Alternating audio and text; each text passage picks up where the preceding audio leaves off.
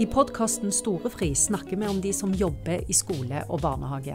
Vi snakker ikke bare om dem, vi snakker med dem.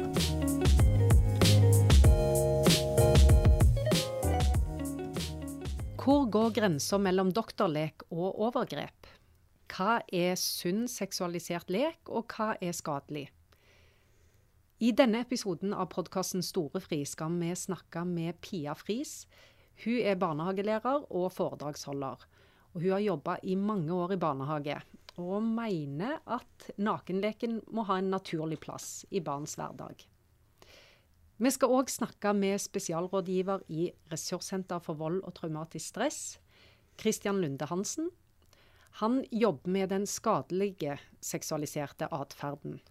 Altså den leken som ikke er lek, men der et barn forgriper seg på et annet barn. Men først, Pia Friis. Kan du fortelle oss hva er doktorlek?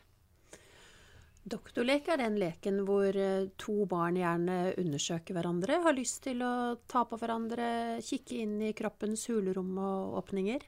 Trenger ikke være noe seksuell lek, men kan også være det fordi at de da kan kikke inn i f.eks. kjønnsorganene til hverandre og ta på de. Er dette en viktig del av barns utvikling å få lov til å leke denne leken? Ja, jeg tenker at uh, all seksuell, seksuell, lek er viktig for barn, fordi at da kjenner de en, eh, en, en spenning og en, en, glede, og de speiler seg i andre barns følelser, slik at de får en bekreftelse på at denne, disse følelsene er normale, de er vanlige. Slik har andre barn det også. Og de blir kjent med egne følelser og andres følelser og grenser. Så ja, jeg mener at seksuell lek er viktig i, i barnehagene. Mm. I de barnehagene du har jobba, har barn fått lov til å leke nakne sammen? Ja.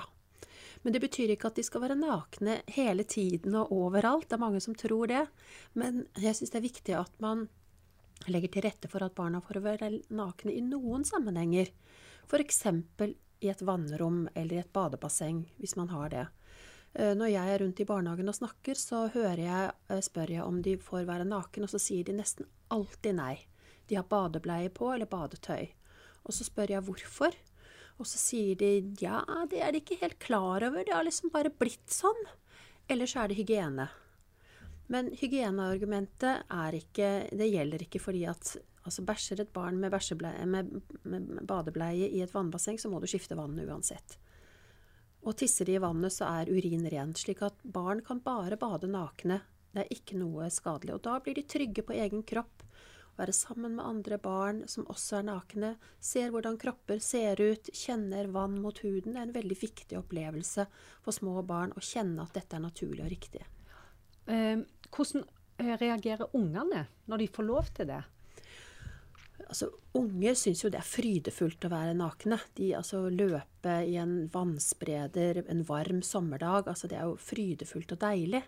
Så vil det selvfølgelig være noen barn som er mer sjenerte. De må selvfølgelig få lov til å være det. Det er ingen som skal tvinges til å være nakne. Men nå tenker jeg òg på den seksualiserte leken. Ja. Når, når, de får en sånn aksept for voksne at det, eh, ja, det er lov til å se på tissen til hverandre. Mm. Og det er ikke noe du skal skamme deg over eller få kjeft mm. for. Hvordan mm. reagerer ungene da? Altså, Hvis barn går i en barnehage hvor de vet at det er lov å leke seksuelle leker, så tør de også fortelle til de voksne hvis det er noe som har hendt som de syns har vært ubehagelig eller skummelt. For da vet de at ikke de får eh, en, en, eh, en streng reaksjon. Eh, jeg kan fortelle en liten praksisfortelling. Skal jeg gjøre det? Ja, takk. Eh, det er for en barnehage som jeg drev eh, i mange år, hvor personalet er veldig trygge på hvordan de skal håndtere barns leker, og foreldrene er informert om hvorfor. Og så er det en dag, og da vet jo barna at i denne barnehagen får de lov til å leke. Så er det en jente en dag som kommer gråtende til en barnehagelærer og sier at det var to gutter som ville se på tissen min bak huset i dag. Og hun tør jo å fortelle dette fordi at hun vet at hun ikke får kjeft, og hun vet at hun, hun, har, hun, har, hun har ikke skamfølelse for det som skjedde bak huset. Og så svarer barnehagelæreren at du bestemmer om du skal vise frem tissen din eller ikke. Det er bare du som bestemmer over din tiss. Og så går han til de to guttene som ville se på hennes tiss, og sier at 'jeg hørte dere ville se på hennes tiss i dag'. Det er helt i orden hvis hun vil, men hvis hun ikke vil, så må dere respektere dette. Dere kan også vise frem deres tiss hvis dere vil. Og så forteller han det barnehagelæreren til faren, og faren vet at datteren er godt ivaretatt. Alternativet ville vært at hun, denne jenta, ikke turte å fortelle. Og så ville det blitt og faren ikke var informert, og så ville faren bli veldig bekymret over at det er noe sånt som foregår i barnehagen. Og da ville det blitt skam, og det ville blitt et problem. Men nå fikk barna god veiledning på hvordan de bestemmer over egen kropp og skal respektere andres. I tråd med rammeplanen for barnehager. Ja. Har du inntrykk av at voksne i barnehagen eh, oppfører seg sånn som i denne historien? At de er så trygge? Nei, dessverre. Eh, dessverre så har det blitt sånn nå fordi vi er så bekymret for overgrep, og det skal vi selvfølgelig være. Så har det blitt sånn at vi har blitt engstelige for alt som har med nakenhet og seksualitet å gjøre. Man tror at eh, både foreldre og barnehageansatte tror at bare det er to barn inne på et toalett og, og, har tatt ned buksa for å se på tissen til hverandre, eller leker rumpeleker, eller hva det nå leker, så, så, stopper de det og avleder og, og forhindrer. Så det, de, de, er så usikre at de heller sier nei. Ta på, dere, ta på dere klærne. Men hvorfor må dette skje i barnehagen? Kan ikke barnehagen bare si nei? Jo. På dagtid så har vi klærne på, og, ja. så, og, så, kan dere gjøre dette på fritida. Ja, sånn tenkte jeg også i begynnelsen. Men eh, det går jo ikke fordi barn er i barnehage så store deler av dagen. Og, og, de fleste barn går i barnehage, og det er der de møter barn av forskjellig kjønn. Eh, det er der leken oppstår. Og barn er også i dag veldig tett sammen med voksne. Når barna blir hentet i barnehagen, så er de gjerne sammen med foreldrene sine hele tiden. I ferier og helger er de sammen. Slik at det er ikke barn som leker ute i, i låver eller brygger eller naust eller ute på uteområder eller i nærområder lenger, ikke sant. Så det er i barnehagen denne leken oppstår, og da må vi vite hvordan vi skal møte den. Er det viktig, eller um, hva skjer hvis barn ikke får lekt eh, seksualiserte leker når de er små? Altså, det kan jo bli en fare for at de da føler at det er veldig skambelagt.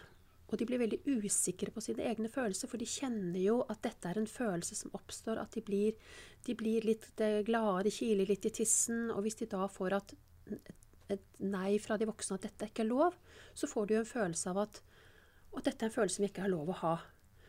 Og det fremmer jo ikke seksuell helse. Altså Seksuell helse er jo en mestringskompetanse i forhold til egne følelser og egen kropp. Slik at du vet at du kjenner din egen kropp, du kjenner dine egne følelser, er trygg på hvordan du skal ta vare på den og sette grenser for den, og også nyte den, da. Mm. Og det begynner allerede når de er så små? Ja, de gjør jo det. Når barn begynner å onanere f.eks., så er jo det en form for seksuell lek, å kjenne på sine seksuelle følelser. Og det er jo ganske vanlig at de gjør i barnehagene. Mm. Mm. Men foreldrene, da? Hvordan reagerer de, de foreldrene der du har jobba, når, når, de skjønner at her er det lov å leke nakenleker og seksualiserte leker? Altså, min erfaring er at uh, jeg har gjort dette i mange år. Og hvis foreldrene får god informasjon, så blir de trygge. Jeg holder jo foredrag på veldig mange foreldremøter også, og de er veldig hungrige etter denne informasjonen om barns naturlige seksualitet og seksuelle leker. Og når de får den informasjonen, så blir det lettere for dem også å skille mellom det som er den bekymringsfulle seksualiserte atferden, og den seksuelle atferden som er den, den, positive, den fnisende, den lekende, den nysgjerrige. Ikke sant? Mm. Uh, så, så, min erfaring er at gjør, for, informasjon gjør foreldrene veldig trygge. altså. Mm. Kunnskap. Mm. Du, da eh, nevnte du denne, denne, forskjellen på eh, skadelig seksualisert eh, atferd og, og, den sunne leken. Mm. Og da skal vi høre med Christian Lunde Hansen. Du er psykolog, og du vet litt om akkurat dette her. Går det an å si her går grensa mellom eh, seksualisert lek, som er sunn, og her er, dette her er skadelig? Det er en veldig vanskelig grense å sette, og det er jo veldig flytende overganger her. Eh, jeg er veldig opptatt av at barn har medfødt seksualitet som de skal få lov til å utvikle. Eh, og som utvikler seg gjennom barnetiden og opp i ungdomstiden og til den voksne seksualiteten som vi har, vi som sitter her. Og det er helt klart at det skjer gjennom lek, det skjer gjennom utforskning, det skjer gjennom gjensidighet. Eh, og, og gjennom nytelse. Eh, og den skal være på plass. Så da, det Pia sier om at eh, dette må, eller bør barn få lov til i barnehagen? Ja, dette, dette, er en del av barns oppvekst. Men så ser vi jo i dag at denne utviklingen, eh, eller eh, denne seksualiteten, kan ikke utvikle seg helt fritt. Eh, for barn trenger litt veiledning og rettledning også i det. Og det innebærer jo bl.a. at vi må være litt på som voksne. Vi må agere når vi ser bekymringsfull atferd, sånn som Pia beskriver med disse to guttene som spør denne jenta. Hun syns ikke det var ålreit. Det ble litt grenseoverskridende for henne. Så søker hun hjelp og råd, så får hun det. Og så blir de guttene korrigert på det, sånn at de stopper. Kan du eh, si noe om hva er Altså hvordan definerer en skadelig seksualisert atferd? Skadelig seksualisert eh, atferd handler om når eh, atferden ikke er aldersadekvat. Eh, det handler om når det ligger maktforskjeller bak, at det er press. Eh, det handler om at uh, det er atferd som ikke lar seg så lett justere, korrigere. Og det er atferd som litt senere opp i alder bryter med norsk lov. Mm. Men sånn konkret, hvis du eh, jobber i en barnehage, og så ser du to som skal leke, og så er den ene mer pågående enn den andre på å ville se tissen og ville at hun skal kle av seg, eller om, om, det er to jenter. At de, men hvordan ser en at dette her ikke er aldersadekvat, eller her er det forskjell i Nei, Disse tingene kan være veldig vanskelig å se. Og jeg tror at først og fremst så må man tørre å se. Eh, vi har en del kurs eh, også for barnehagepersonell eh, og skolepersonell, og vi ser jo at en del reagerer. De merker i kroppen sin at her er det noe som skurrer litt. Her, her burde vi gjøre noe. Og så vet de ikke helt hvordan de skal agere. Og så er de redd på den ene siden på å innføre skam, og så er de redd på den andre siden for å ikke stoppe dette. Fordi at skadelig seksuell atferd mellom barn er like skadelig som ska, eh, seksuell atferd mellom voksne og barn. For det handler om å ha en respekt for egne grenser, forstå grenser. Eh, og i denne utviklingsfasen så er det så viktig at vi som voksne, sånn som Pia sier, gir dem et språk, sånn at de kan snakke om det. Vi må kunne snakke åpent med dem om dette, og så sjekke det ut. For til syvende og sist er det det det handler om. Hvordan var dette for deg, og hvordan var det for den andre? Eh, og hva skjedde her? Mm. Så hvordan Um, du sa noe om at det, det, er like skadelig. så Vil det si at hvis et barn utsetter et annet barn for overgrep eller skadelig seksualisert atferd, så er det like skadelig som om en blir utsatt for et overgrep av en voksen? Ja, fordi det, her handler det om å kunne sette tydelige grenser for egen kropp. Og det handler om å få en forståelse for andres grenser. Eh, og det å få invadert grensene sine, det gjør at eh, egenforståelse for egne grenser og andres grenser blir utydelig og blir vanskelige. Og vi ser jo nå dessverre langt ned i alder eh, barn som blir ordentlig traumatiserte av seksuelle overgrep begått av andre barn. Men hvor utbredt er dette her? Det er litt vanskelig å si. Det er Altså, Når vi ser på de store undersøkelsene i forhold til eh, voldtekt osv., så, videre, så vet vi at eh, de barna som er utsatt for overgrep, så står en utøver under 18 år, så nå er vi forbi barnehagealder, nå er vi opp til 18 år, for mellom 30 og 50% av overgrepene. Og da har vi ikke begynt på nettovergrepene med bildedeling og det som skjer på nett. Det er de fysiske overgrepene? Det er de fysiske overgrepene. Så, så, vi vet at det er en ganske stor gruppe. Vi vet jo at det er veldig mange jenter som opplever seg utsatte eh, for overgrep. Eh, Ca. 30 eh, i en undersøkelse som Mosig gjorde på videregående. Eh, 7 eh, gutter der. Men vi vet at dette her, antallet ser ut til å øke. og det det gjør jo at det kanskje er vanskelig da, å være barn og ungdom i disse eh, internettider. Og så vet vi også det at uh, disse barna som begår overgrep mot andre barn, de mangler kunnskaper. Ja. De er nysgjerrige, og de mangler kunnskaper. Så Derfor så syns jeg det er så veldig viktig at vi som jobber med barn, både i barnehage og skole, også foreldre, gir barna kunnskaper om kroppen. Slik at vi må være i forkant også, hvis vi går litt tilbake til dette med å sette grenser. Så må vi snakke med barna om det på forhånd. Vi må være der her og nå og følge med, som du sier, Kristian.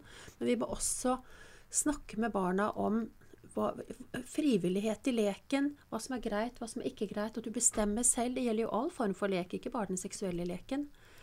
Uh, slik at det blir lettere for barna å sette den grensen. Og så må vi, må vi, følge med. Så må vi gå inn bak en dør hvor de leker doktorlek, eventuelt også si at uh, Hei, leker dere doktorlek? Er alle frivillige med på leken? Se hvordan barna har det. Følge med og veilede og støtte barna. Vi må også være i forkant med å gi barna kunnskaper om kroppen og seksualiteten. Ikke overlate det til barna selv. For det er jo det som skjer nå, at ingen snakker om det. Verken barnehageansatte eller foreldre, for vi er så redde for alt med kropp og seksualitet. Og da går barna på pornonettsteder fra de er ganske små, og så finner de noe som de vil undersøke der. Og så blir de nysgjerrige, og så begår de overgrep. Ja, for det var akkurat det jeg tenkte. Hva, er, hva kan årsaken være til at et barn begår, begår, overgrep mot et annet barn? Forskningen indikerer at det er, det er flere, ofte flere sårbarhetsfaktorer hos barna. Eh, men som du sier, så handler det jo om at barn ikke forstår. Eh, det handler ikke om en intensjon om å skade. Ingen av de guttene og jentene jeg har jobbet med, eh, har hatt en intensjon om å skade. De har rett og slett ikke forstått grensene. Det, de har ikke forstått andre sine grenser? De har ikke sitt. Ikke nødvendigvis sine egne grenser heller. Mm. Eh, her har man flyttet grenser og tråkket over grenser, både andres og sine egne, med eh, til dels svært alvorlige konsekvenser, spesielt for utsatte, men også for dem selv, i forhold til at de litt oppover i alder har endt opp med å bryte straffeloven og fått en straff eh, for dette. Eh, men vi ser jo at eh, omsorgssvikt er en av de delene som går igjen. Mm. veldig mange barn som ender opp med en skadelig seksualisert atferd, lever under en eller annen form for omsorgssvikt. Om det er for dårlig oppfølging fra foresatte, eller om det er direkte utsatt for noe. Mm. Og så er det ca. en tredjedel av guttene flere av jentene mm. og yngre barn som også har vært utsatt for direkte seksuelle overgrep selv. Mm. Men, ja. men, det du snakket om, at eh, hvis de får informasjon, hvis barn som begår overgrep får informasjon, så kan det òg gjøre at de lar være å begå disse overgrepene? Ja, altså eh, det er jo ikke bare de. Jeg tenker jo at seksualitet, når vi begynner med doktorlek, og når vi kommer i tenårene og så skal utvikle denne her eh, opp mot andre mennesker, så er dette her noe som vi trenger alle informasjon om. Man trenger informasjon om hvordan sette egne grenser, og man trenger informasjon om hvordan forstå andres grenser. Og det er ikke nødvendigvis en intuitiv kunnskap. Altså, Man får den ikke sånn ad hoc av seg selv. Ikke alle gjør det. En del gjør det. En del stopper når de får første nei, æsj, ikke sånn. Eh, men noen skjønner ikke helt tegninga. Se bare på hvor mange gutter som tar bilde av tissefanten sin og sender rundt til, eh, til jenter mm. i dag. ikke sant? Det er et typisk eksempel på at man skjønner rett og slett ikke at andre er skrudd sammen annerledes. Og da må vi med informasjon, og vi må hjelpe folk å være tydelige også, sånn at man kan hjelpe hverandre. Mm. Og det som, det som, skjer nå også, min erfaring, er at foreldre blir veldig usikre på f.eks. Eh, en far bade sammen med sine døtre i, i badekaret f.eks. Kan jeg gjøre det? Eh, noe som var ganske naturlig og uproblematisk før. Eh, fordi at de er redde for at de kommer til barnehagen og sier at uh, 'jeg har sett pappas tiss', f.eks. Men det er helt fint at uh, en far bader med sine døtre i badekaret, som snakker jeg barnehagealder. Og hvis de tar på hans tiss, så kan pappa si at 'Dette er min tiss, den får du ikke lov å ta på'. Ikke sant? Så blir de gode rollemodeller i forhold til å sette grenser for egen kropp. Men det som skjer, er at de lar være. Ikke sant? De tør ikke. Og da får jo ikke barna verken erfart i praksis grense, eh, å sette grenser, og også den naturligheten som det i enkelte situasjoner hvor det er, hvor det, hvor det er naturlig å være naken. Mm. Men da kan jo det bidra, dette her, det vi har snakket om i denne episoden av Storefri med litt mer informasjon, og eh, at voksne skal tolerere, da? Er det det? At vi skal tåle å høre? Jeg tenker det, og så er det etter hvert utviklet en del veldig gode verktøy på norsk som kan støtte nettopp fagpersoner i dette her. Eh, vi opererer med noe som kalles trafikklyset, som handler en hjelp eh, en veileder om hvordan kategorisere det innenfor det som er sunt og bra, som vi skal la fortsette, eh, og det vi tenker på blir mer bekymringsfullt og skadelig. Eh, det har etter hvert også kommet eh, gode filmer. NRK Super har jo laget 'Kroppen er min', mm. som virkelig lager et gode bilder på det. Og jeg tenker at som det blir sagt her, så må vi inn tidlig. Og vi må inn tidligere enn det vi tror. Mm. Fordi barn har en medfødt seksualitet, og de trenger hjelp og støtte for å utvikle den sunt hele livsløpet. Og vi eh, i Canvas holder på å utvikle et metodisk verktøy som skal være tilgjengelig for gratis for alle barnehager. Med en kompetanseplan og et metodisk verktøy som man kan bruke i barnehagene for å snakke med barn om kropp og seksualitet og, og grenser, og også gode og vonde hemmeligheter og lovlige og ulovlige berøringer når man kommer til de litt eldre barna, som fire-fem år. Mm. Og når det først blir bekymringsfullt, så har vi også laget i dag et dataspill faktisk, som heter 'Snakke med barn'. Eh, hvor eh, det heter en avatar, en spillfigur, Hugo, som blir nå introdusert eh, 23.11. Som nettopp har hatt litt vanskeligheter med seksuelle grenser. Og hvordan skal læreren snakke åpent med han, og hvor kan læreren søke råd og støtte. For det finnes også nettverk, og det er viktig å si. Det finnes noen nettverk som kan både veilede og bistå barnehagepersonell og skolepersonell der hvor de blir usikre. Mm. Og så er det vel sånn at hvis en er usikker og har en en sånn vond følelse eller en mistanke, så er det barnevern og politi. Eh, konsultasjonsteam eh, som ligger innunder, eh, ofte innunder barnehusene. Det er et veldig oppegående og bra konsultasjonsteam her i Oslo. Det er konsultasjonsteam også i øst og resten av landet. Og der vil man ha veldig kompetente mennesker som har vært i disse tilfellene før og som kan hjelpe deg å gjøre gode vurderinger. Og der kan du komme hvis du bare har denne litt usikre ja. følelsen. Du ja. trenger ikke å ha undersøkt alt sjøl eller være sikker på at her er det noe. Er man usikker, Nei. så går det an å ringe. Mm. Ja. Takk skal dere ha for at dere ble med oss i dag.